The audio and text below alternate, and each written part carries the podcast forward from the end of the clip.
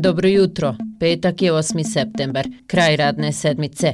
Moje ime je Aida Đuguma, vi slušate podcast Šta ima? Pa da krenemo redom. One, two, three, BiH bez kasetne municije naziv je događaje kojeg organizuje Centar za uklanjanje mina u BiH, Ministarstvo civilnih poslova, Komisija za deminiranje i nevladina organizacija Norveška narodna pomoć. U Bosni i Hercegovini je tokom rata, prema podacima Centra za uklanjanje mina, od mina i drugih eksplozivnih naprava stradalo više od 6300 osoba. U posljeratnom periodu od mina i kasetne municije, kažu u centru, zabilježeno je 1770 žrtava, od čega je 620 osoba smrtno stradalo. Bitna tema o kojoj treba govoriti.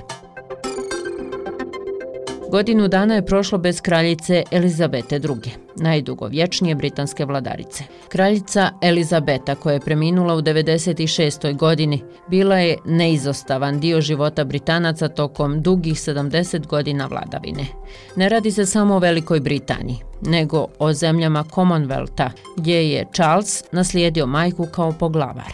Prvu godišnjicu smrti Elizabete II. kralj Charles provešće u miru i tišini, Biće to privatno vrijeme za prisjećanje, baš kako je to činila kraljica kada se prisjećala svog oca, kralja Đorđa.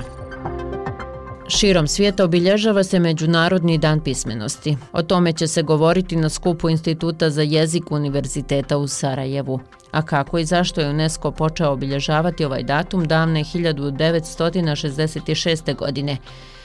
Pa ideja je nastala tokom svjetske konferencije ministara obrazovanja u septembru 1965. u Teheranu, a tema je bila iskorjenjivanje nepismenosti.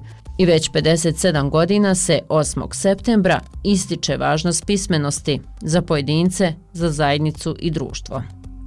O Međunarodnom danu pismenosti govori profesorica bosanskog, hrvatskog, srpskog jezika i književnosti Azra Rizvanbegović, koja predaje u jednoj sarajevskoj osnovnoj školi. Primjećujem jednu vrstu opadanja, interesovanja za čitanje, za pisanje, za bilo što što ima neke veze sa direktnim jeli, uključivanjem u ono što je tekst, a ono što dominira kod djece jest, jesu kratke forme i na što su navikli nekako kroz digitalizaciju, kroz internet, kroz sve te društvene mreže koje prate, jeste ta neka kratka forma kojoj teže i jednostavno bilo što što im je zamorno, izbjegavaju to. Azra ističe još jedan veliki problem BH obrazovnog sistema. Izbor književnih dijela s kojom se djeca susreću u školi, u toku jel, obrazovanja i osnovnog i srednjeg jeste skučen na neki način, ne uključuje nešto što bi njih zanimalo, nešto savremenije.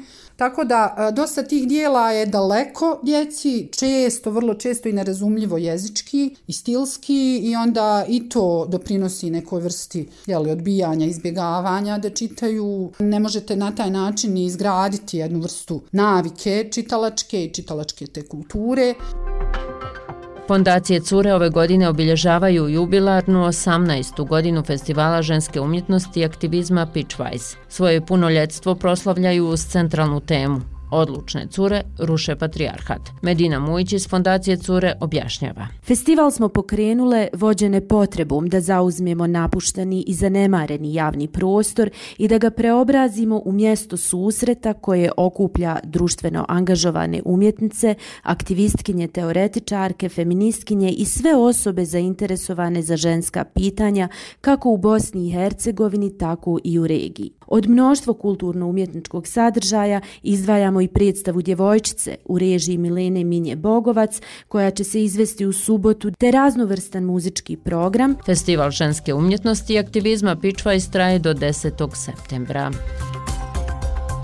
Počinje i Al Jazeera Doc Film Festival. Trajeće do 12. septembra i afirmiše autore i dokumentarne filmove koji se bave društvenim fenomenima, stavljajući fokus univerzalne ljudske vrijednosti, hrabrost, istinu, pravednost, toleranciju i kosmopolitizam. Predstavit će se 12 dokumentarnih filmova u takmičarskom dijelu, a u netakmičarskoj selekciji pet najboljih naslova sa evropskih i svjetskih festivala.